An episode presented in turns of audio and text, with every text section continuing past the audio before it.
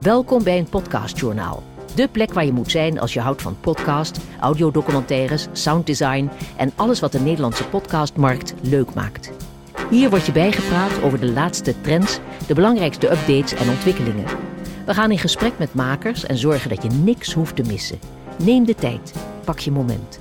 Want dit is speciaal een podcastjournaal.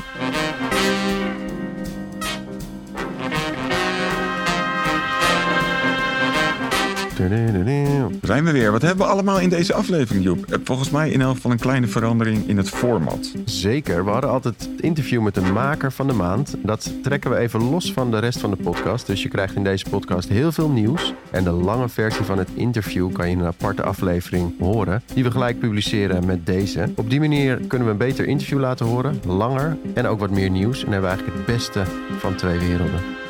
Maar er zit nog steeds een samengevatte versie van het interview in een podcastjournaal met de highlights. Voor deze aflevering van een podcastjournaal betekent het in elk geval dat je straks kunt luisteren naar een kort interview met de Vlaming Bart van Nuffelen. Hij is maker achter de populaire true crime podcast De Kunst van het Verdwijnen. Wij hebben hem allebei geluisterd. Wat vond jij? eh, We hebben hem natuurlijk niet voor niks uitgekozen. Nee, dit is echt zo'n podcast dat we net al zeiden. Af en toe vind je er eentje waarvan je denkt... ah, die is echt zo goed. Die tip je aan al je vrienden. En dit is precies die podcast. De kunst van het verdwijnen. Drie verhaallijnen in één podcast... die zich allemaal concentreren op een bepaalde wijk in Brussel. De Joodse De wijk. Joodse wijk. Ja. Ja, of Antwerpen? Nee, Brussel toch? Be- Antwerpen. Antwerpen. Antwerpen, zeker. De in Joodse Antwerpen. Antwerpen. Eh, hele mooie verhalen. En ehm, nou ja, je ziet ze tegenwoordig... zie je deze podcast ook steeds vaker getipt worden in andere lijstjes. Ja, ik, ik sloeg aan op de bankoverval. Dan hebben we het over het jaar 2019. Een spectaculaire bankoverval, inclusief de, de tunnels en de pikhouwelen en, en dat soort dingen. Uh, maar er zitten nog veel meer bijzondere dingen tussen. Inderdaad, onder andere een verhaallijn over een Joods jongetje dat op zijn vierde van zijn moeder wegloopt en dan uh, op die manier aan de nazi's weet te ontkomen. Nou, hoe die dat allemaal aan elkaar vouwt, dat uh, hoor je in de podcast en straks dus een interview met maker. Verder, als ik zeg Queen's Gambit, wat zegt Ja, Joep dan? populaire podcastserie. Netflix-serie. Populaire Netflix-serie. populaire Netflix-serie. Ja, precies. Maar, maar Over schaken. Er, er is ook een podcast-serie over schaken. En uh, die heet De Schaakpot. En dat is deze keer de podcast-exode.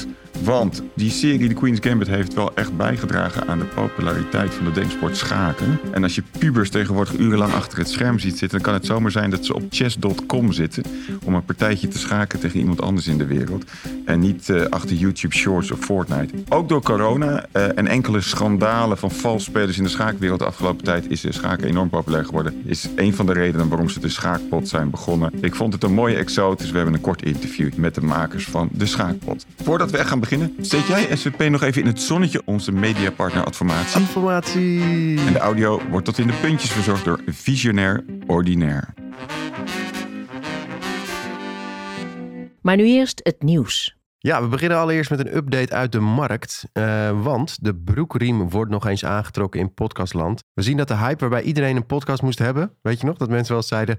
Uh, iedereen moet een podcast hebben, elke BNR. Ja. Dat is nu toch wel een beetje voorbij. Het vak wordt serieuzer genomen. Gaan ze dan ook weer stoppen, die BNR's? Ja, want het vak wordt serieuzer genomen en er worden betere producties gemaakt. Mensen die er nu aan beginnen, die, die gaan het ook wat serieuzer doen. De goede podcastmakers blijven voor mijn gevoel over. Maar ondertussen worden er nog steeds veel mensen ontslagen bij de grote internationale podcastbedrijven. Heb jij vast ook wel voorbij zien komen? Ja. Acast, Warner Music, Spotify en ook de NPR. Dat zijn nog steeds de naweeën van de grote reality check na de bizarre groeijaren. En het grappige is van die laatste NPR, die heeft dus een podcast gemaakt over haar ontslagen medewerkers. Oh. En ze zeggen, ja, we vinden het natuurlijk heel naar dat we die mensen hebben moeten ontslaan. Maar we maken wel een podcastserie over hoe die mensen dus struggelen om hun volgende baan te vinden. Dat zijn tien afleveringen van een uur. Daar hoor je dus serieus dat audio-engineers en oude redacteuren echt struggelen om hun, om hun huur te betalen op zoek naar een nieuwe baan. Oké. Okay. Super bizar. YouTube geeft podcastmakers een duwtje in de rug. Nou ja, die zijn natuurlijk gewoon ook continu bezig met ontwikkelingen. Sinds kort kunnen podcastmakers hun podcast uploaden en hosten in YouTube Studio. Waarbij je een show, oftewel een playlist kan aanmaken. En losse afleveringen zijn dan je video's in die playlist. Je krijgt dan inzicht in de prestaties van je podcast, dus met statistieken. Dat is wel alleen natuurlijk eigenlijk interessant als je podcast ook met een camera opneemt. Want dan kun je die video's dus plaatsen in de podcastomgeving van YouTube. Met de ontwikkelingen worden de podcast ook beter vindbaar. Dat was natuurlijk altijd wel een probleem in zijn algemeenheid en ook vindbaar van podcast op YouTube.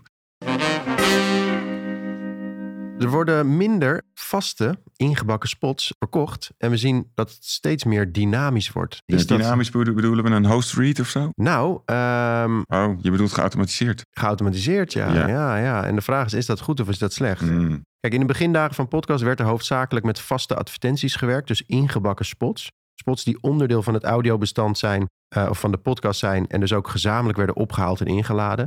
Mooie daarvan is dat je veelal met host reads dus te maken hebt. Presentatoren die over jouw merk of product vertellen. Superkrachtig. Maar tegelijkertijd is het minder efficiënt voor de maker. Want je kan die ruimte maar één keer verkopen. En met het groeien van de markt is er ook veel meer vraag naar advertentieruimte. De zogenaamde ad slots. Zo zijn er nu vaak meerdere plekken in een podcast waar je een advertentie kunt horen. En soms ook nog eens meerdere achter elkaar. En podcastnetwerken kunnen de spots nu dynamisch inladen. Bijvoorbeeld alleen tijdens een campagneperiode van een merk. En daarna kan het volgende merk erin worden gezet. En er kan makkelijker in oude afleveringen, de back-catalogus, worden geadverteerd. Aangezien veel shows nog lang worden teruggeluisterd. Er zijn gelukkig nog steeds veel host reads of guest threads die we horen. Eh, maar ook steeds vaker radiospots Ja. die programmatic worden ingekocht. Daar worden we Ja. niet heel blij van, toch? Nee, Maar en het is onvermijdelijk. nee, precies. Maar wat je zegt, reclame is voor een. worden. Ja, dat is het. Reclame is voor een luisteraar niet altijd prettig en soms zelfs irritant, maar het is een manier waarop podcasters hun geld verdienen. Dus het is er nog. En laten we vooral met z'n allen zorgen dat de spots die worden ingezet zo leuk mogelijk zijn en zo goed mogelijk aansluiten bij het publiek. Idealiter een klein stukje audio waarover na is gedacht door een specialist van een podcastpartij. Mhm. Want podcast is geen radio. Nee. Had er nog één over Edison-onderzoek. Jazeker. Edison heeft de betting average in het leven geroepen. Dat komt vanuit honkbal, het slaggemiddelde van eh, slagmannen. Ze hebben onderzocht dat true crime shows de meeste kans hebben om een hit te worden. Dus wil je scoren, ga voor een true crime show. Wat ze hebben gedaan, ze hebben van de top 200 podcasts... hebben ze gekeken welke genres daar het meest in staan. En dat delen ze dan door het aantal shows van dat genre... wat in de top 20.000 staat. En zo zie je dat true crime de meeste kans heeft om in die top 200 te komen. En comedy bijvoorbeeld, die heeft veel meer shows, maar die heeft een lagere betting average. Dus die hebben minder kans om in die top 200 te komen. Bij nieuws zie je datzelfde, die staat op nummer 3. Maar true crime is dus, eh, nou, als je een true crime podcast hebt, dan heb je de meeste kans dus om in die top rankings te komen.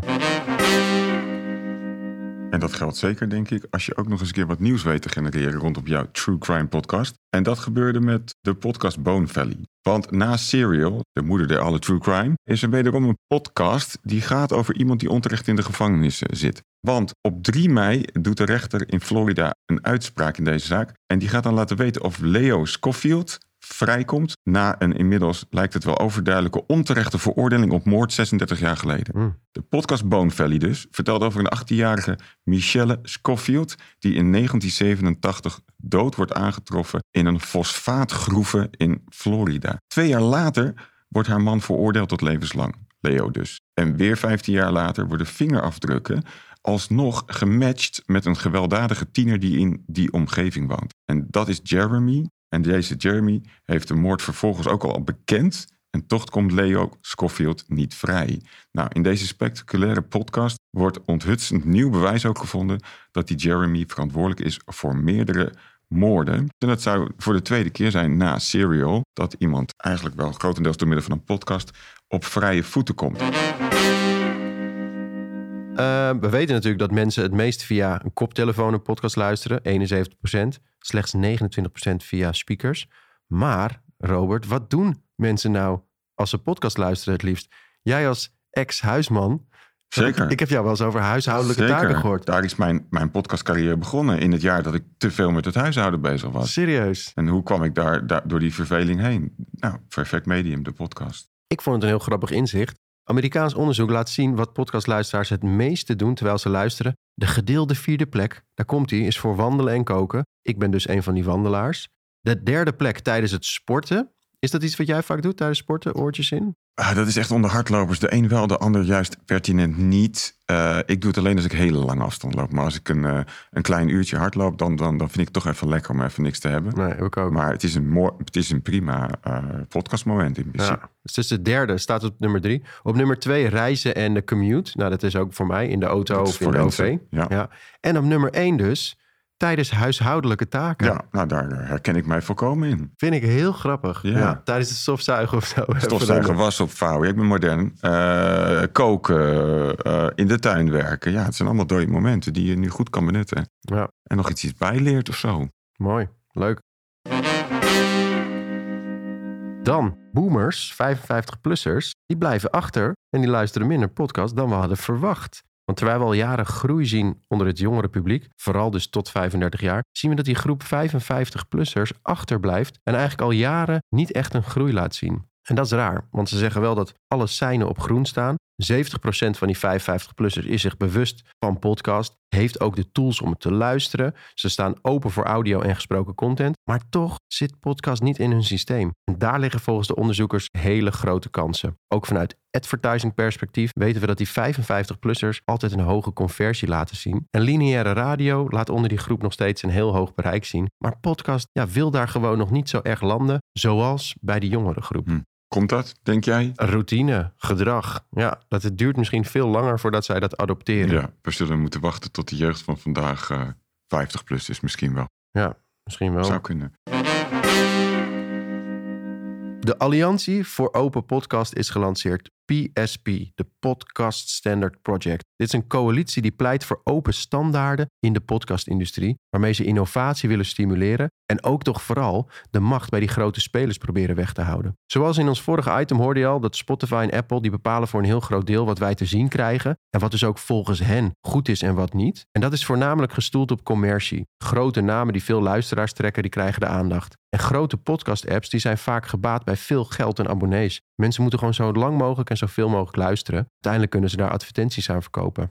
Maar dat wil dus niet zeggen dat zij bepalen wat goed is en wat wij moeten luisteren. En dat is ook hoe podcast ooit is begonnen.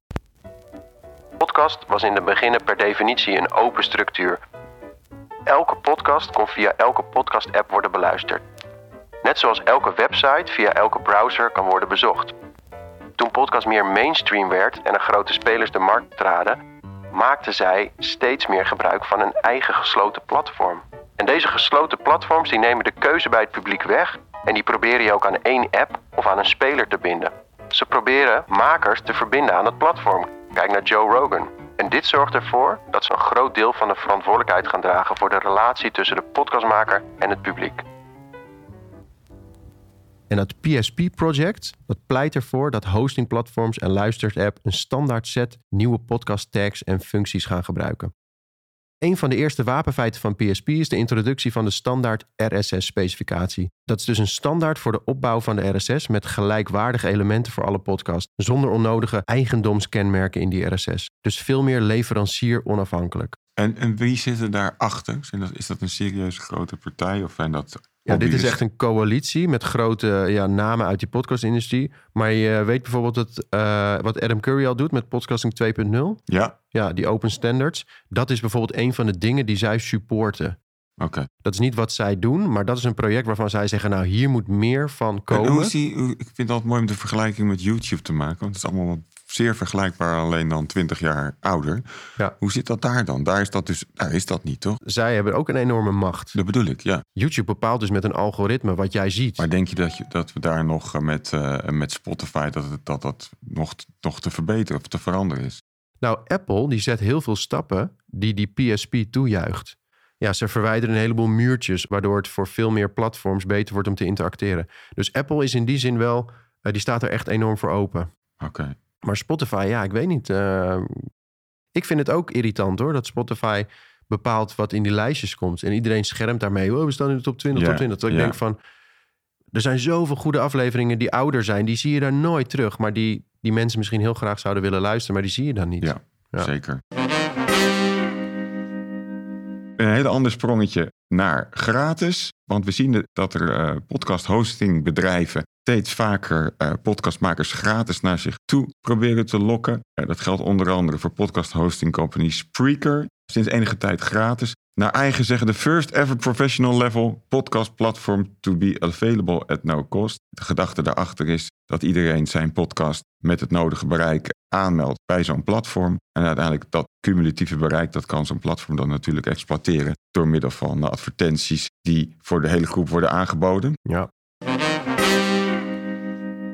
Enker, de gratis podcast host, al enige tijd uh, bekend, heet sinds kort Spotify voor podcasters. Het was al uh, eigendom van Spotify en nu is het onderdeel van de makersomgeving. Dus dat betekent dat je je podcast daar gratis uploadt. En uh, ze maken daar al gebruik in de VS, verder nog niet, van automated ads. Dus dat is een beetje als YouTube. Je bent een influencer of je bent uh, geen influencer en je gooit jouw video op YouTube. En daar kunnen natuurlijk automatisch reclames uh, doorheen komen. En als je echt een groot bereik realiseert met jouw content, dan ga je mee profiteren van die reclameinkomsten. Nou, dat kan dus ook al bij Spotify. En nou, op zich wel aardig nieuws voor mensen die, die toch op zoek zijn naar een beetje geld bij verdienen. Voor al die podcasturen die ze erin investeren. Ja, interessant.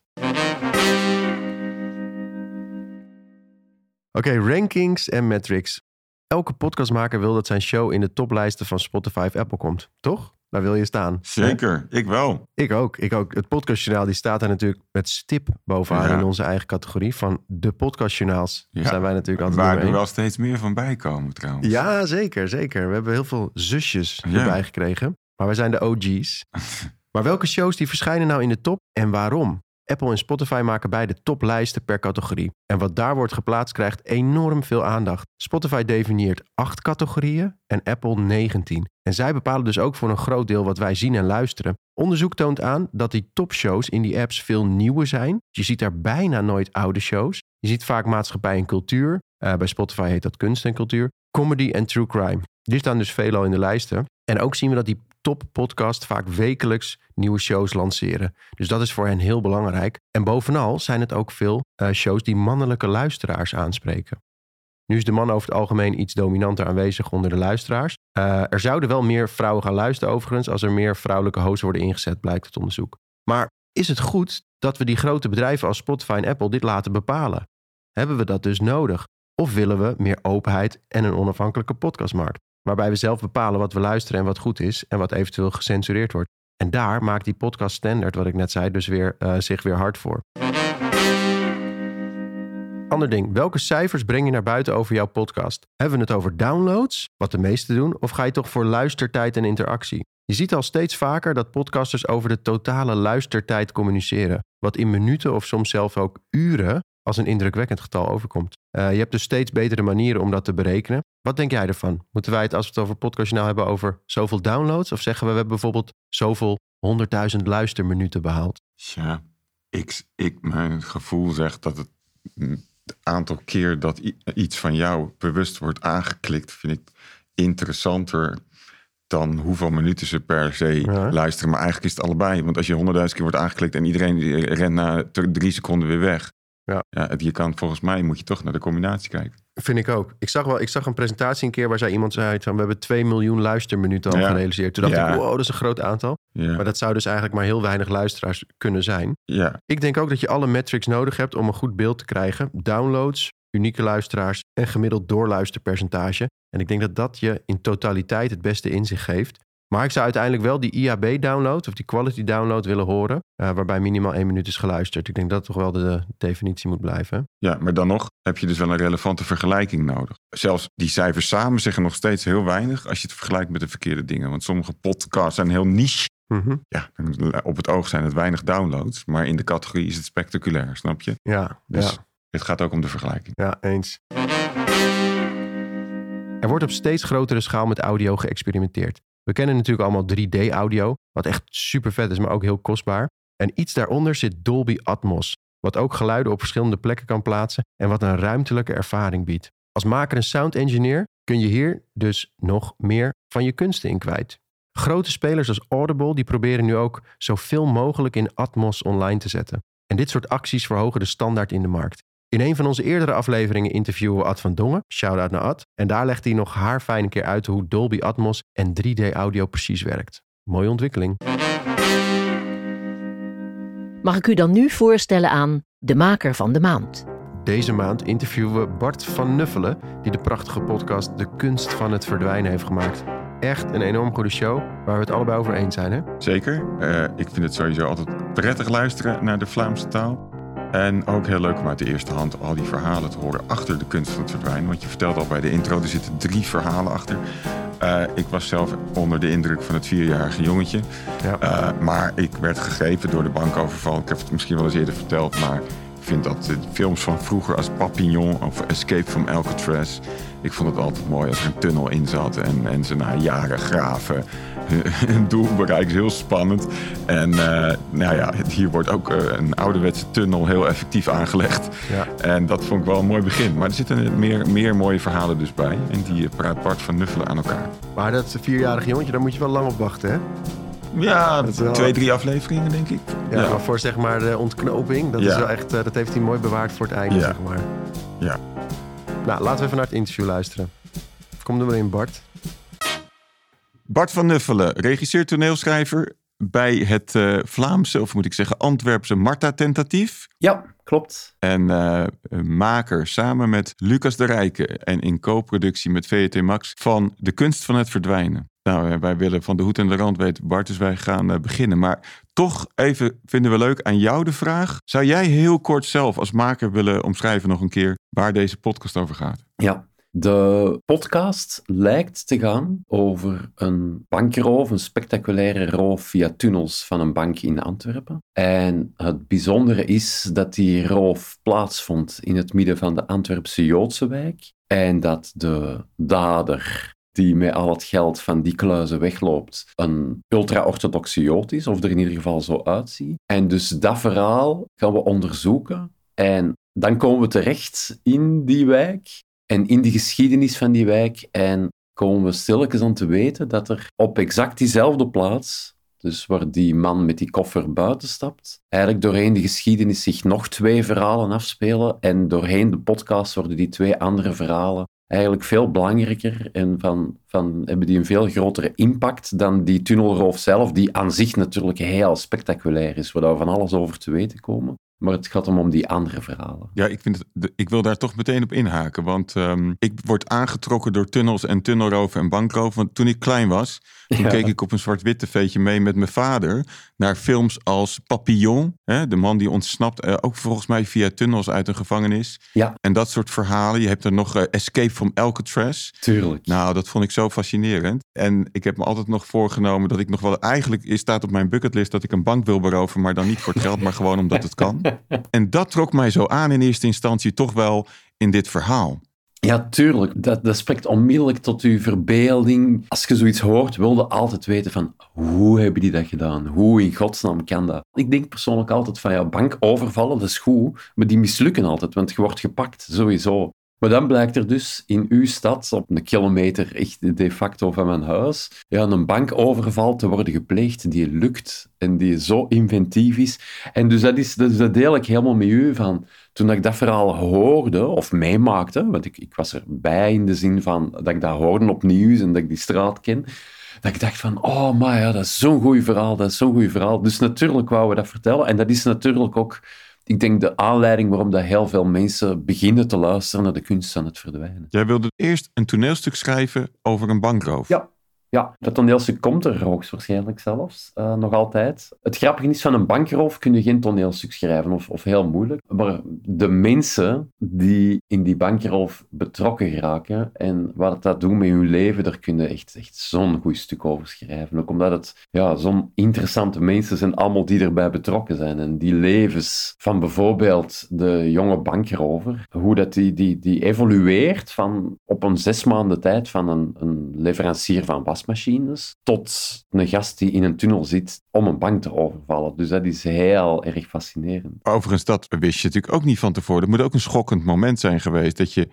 dat je erachter komt dat een van de daders niet lang geleden bij jou een wasmachine heeft afgeleverd. Ja, dat is uh, ook zo'n zo'n moment dat je ineens ontdekt van, hè, ik, had, ik, had, ik was die roven en die foto's van die mannen, die stonden heel veel in de krant, dus ik had dat uitgeknipt. Ik had ook al zo het, de grootte van het gat, hè, dat was beschreven, het gat in de kluizenzaal, had ik ook al op een papier gezet en dat kon kijken van, hoe groot is dat nu? Dus op, op dat soort uh, amateur level was ik ermee bezig. Maar het was heel de tijd die grote foto's van die twee mannen die boven mijn bureau hangen, dat ik altijd dacht, met zo'n balkje over de ogen, van ik ken die toch ergens van, ik ken die toch ergens van. En ineens, door een nieuw artikeltje in online dat ik vond, wist ik wat ik ze van kende. Dus een half jaar ervoor hadden ze bij mij thuis een wasmachine geleverd. Dus toen ik dat ineens beseft van, Bizar. oh nee, deze kan toch niet? Deze is toch echt Zou er niks ongelooflijk? meegenomen? Zou er niks bij je meegenomen Bart? Nee, nee, want ik was erbij. Dus dat was het grappige van. eh, nee. Want het- had wel indruk gemaakt. Het zit in de podcast. Hè. Het, het was iets geweest. Het was echt een moment geweest. Of zo. De blik, Ja. de manier dat we elkaar even ontmoeten. Ik had dat een Ja. moment onthouden.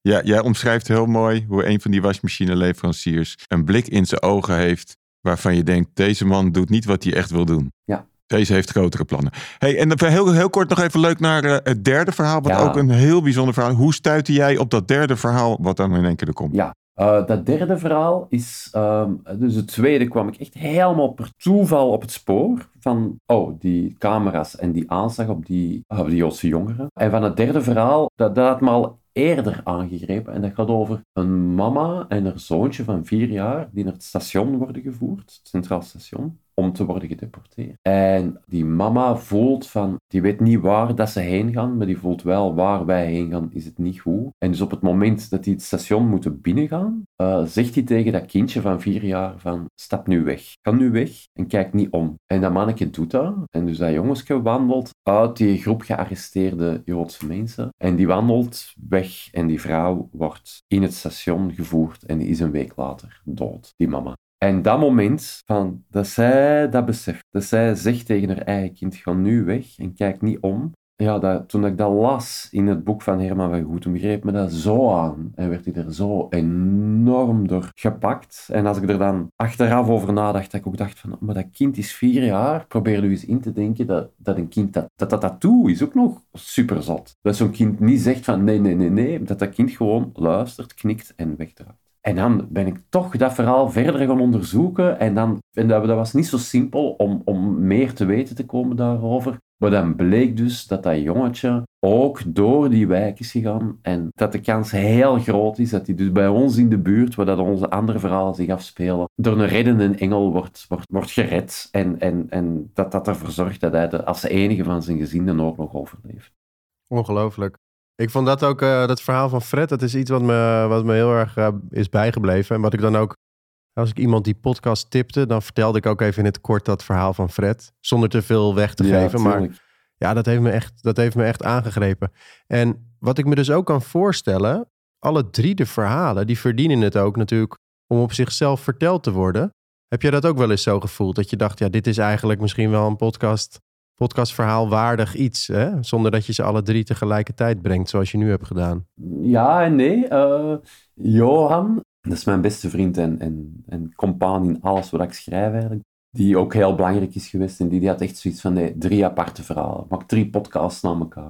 En ikzelf en Lucas hadden echt wel het gevoel van als het lukt om die te vermengen, dan versterken die elkaar onderling. Dus waar dat de tunnelroof zelf extreem fijn is in het spannend en interessant en fascinerend vertellen, ja, mist hij misschien wel iets inhoudelijk of zo. En ik denk dat naar een podcast van, van een, een Joods jongetje dat een oorlog overleeft, gaan misschien niet zo heel veel mensen beginnen luisteren. Die denken van, oh ja, maar dat is zo erg, dat is zo zwaar materiaal. Ik heb er even geen zin in of zo. Dus dat vind ik zelf wel heel leuk, dat die een tunnelroof dient om eigenlijk best wel, want dat gebeurt nu ook, er wordt veel beluisterd, best een groot publiek binnen te trekken die dan eigenlijk onverhoeds die andere verhalen erbij kregen. Dat vonden we wel cool of zo, om dat te laten gebeuren. Ja, ik snap het ook. hoor. Als je het zo vertelt, dan is het een logische keuze. En ja, bijzonder, bijzonder. Robert, jij wilde toch ook iets vragen over de titel nog? Over het Ja. eh, verdwijnen? Ja, want ik merkte dat ik daar dan toch over na ga denken. Je, je zoekt een titel die natuurlijk de lading dekt voor alle verhalen. En eigenlijk zijn maar twee van de verhalen van de drie, is er een sprake van een verdwijning, toch? Ja, dat klopt. Eh, en het klopt ook niet. Uh, in de zin dat... ehm, ja, zeg, zegt jij al eens wel, welke twee verhalen dat jij de, de, de, de lading vindt dekken? Dus de tunnelroof natuurlijk, Ja. hè, want de dader is weg en de Eh, is de, weg. de, de, de dader verdwijnt. En Fred verdwijnt eh, eh, uit de handen van de nazi's. Ja. En zelfs daarna nog eh, verdwijnt hij eh, volledig eh, van de aardbodem. Ja. En dus met het, het derde verhaal, de aanslag, is er, het lijkt het alsof er geen verdwijning is. En ik denk dat dat eh, heel goed is opgemerkt. In deze podcast is dat ook niet, maar dus in het derde verhaal van de aanslag op de Joodse jongeren die op kamp gaan vertrekken, is er in de podcast inderdaad niet heel veel dat terugslaagt op, die, op, die, op dat verdwijnen. Oorspronkelijk gingen we vertellen dat de dader van die aanslag, die is verdwenen. En tijdens het maken, dat is dan even een insight momentje dit, tijdens het maken beseften we van, ah, dat is nog zo'n groot, dat is nog zo'n ongelooflijk verhaal, maar dat brengt ons ook helemaal weg uit deze podcast. Hebben we beslist om daar een soort van special rond te maken, van de wonderbaarlijke verdwijning van de dader. Die is opgepakt onmiddellijk, die is een jaar later veroordeeld tot de doodstraf. In België betekent dat levenslang, dus is opgesloten in de gevangenis van Leuven, heeft er tien jaar gezeten en is dan op een nacht geruild eh, in een soort gevangenenruil. Mijn verhaal dat in, bij de Silco-affaire noemt dat dan. Voor een familie gegijzelde Belgen in Libië. En dus ook die dader is ja, helemaal opgelost. Hoogstwaarschijnlijk is die vermoord door Maar hier komt nog een special over. Dus hier komt nog een special over, ja. En dan klopt de titel eh, De kunst van het verdwijnen helemaal. Mooi. Ik wou nog wel graag weten, Bart. Op een gegeven moment eh, is er een eh, politieagent die in de serie zegt dat hij nog wel wat aanknopingspunten ziet om die bankroof verder te onderzoeken. Ik kan me voorstellen dat de, de, officier van justitie denkt: het is wel goed zo, dit gaat niks meer opleveren. Maar als journalist, als maker, denk je dan niet: ik ga zelf nog een tweede seizoen maken en ik ga kijken of we, of we nog verder kunnen komen met die bankroof? Ehm, ik hou een eh, zorgvuldige stilte. nee, eh, ja, tuurlijk, die nieuwsgierigheid is er. En ik weet nog een heel aantal dingen die ik niet kon vertellen, want ik kon ze niet bevestigd krijgen. En nu, met nu de podcast out is, komen er uit de buurt op verschillende levels nieuwe verhalen naar boven. Dus eigenlijk is er heel veel materiaal en zelfs heel veel mensen en heel veel verhaalvervolgen die zeggen van, ja, doe het maar. Maak nog, ga maar verder. Er is nog van alles en dat is ook zo. Dus de vraag is, moeten we die special niet uitbreiden naar een nieuwe reeks? En tegelijkertijd blijft die twijfel om twee redenen. Enerzijds van, je wilt niet onder dit niveau duiken. En het cadeau die we hebben gekregen met, met deze verhalen van de podcast Kunst van het Verdwijnen, ja, ik kan me soms niet voorstellen dat het even goed kan worden. En twee, het was zo zwaar dat ik ook denk van, oh maar wil ik nog eens eh, zo diep in, in de wereld duiken. Maar de vraag stellen is te beantwoorden. Ik heb er heel veel zin in ook natuurlijk wel, om dat te doen. En de mogelijkheden zijn er. Er is echt kans op een tweede reeks. Bedankt Bart eh, voor de leuke interview. En let op, wil je de uitgebreide versie van dit interview luisteren? Check dan in onze feed van het podcastjournaal. Die aflevering wordt apart geüpload en heet Maker aflevering 7 XL. Zeker de moeite waard. Podcasts zijn er in alle soorten en maten. Maar sommige zijn een beetje apart. Dat zijn de podcast-exoten. Dat zijn de podcast-exoten. Dat zijn de podcast-exoten. Ja, weet ik veel. Heel veel plezier ermee. Dag. Schaken dus, immens populair tegenwoordig. Wie had dat nog gedacht? Stoffige denksport is zich weer eh, opnieuw aan het uitvinden geholpen door de technologie en de apps. En lekker eh, op je iPad schaken. En dus moest er ook een eh, ja, nog niet echt bestaande schaakpodcast komen. Nou, wij vonden dat wel weer een leuke exoot. We hebben ze even gesproken over het hoe en wat. En we gaan even luisteren naar Hisham. Hij is samen met Tex en Lennart de maker achter de schaakpot. Kan je vertellen, eh, Hisham, waarom de schaakpot? Ja, nou, we hebben, we hebben natuurlijk, als je kijkt naar voetbal, heb je echt heel veel podcasts. Voor schaken was er eigenlijk niet echt een podcast. Eh, terwijl er, ja, er zijn best wel veel schakers in Nederland. Eh, er zijn er op dit moment 20.000 lid van de Schaakbond. Maar er is ook op, opeens een schaakrevolutie gaande. Waardoor er nu meer dan een miljoen Nederlanders online aan het schaken zijn. Ehm, ja, dus wij, wij dachten, dit, dit is echt een goed moment om een, eh, om een po- podcast te beginnen. Schaken is toch bij uitstek iets wat je moet doen en niet naar moet luisteren?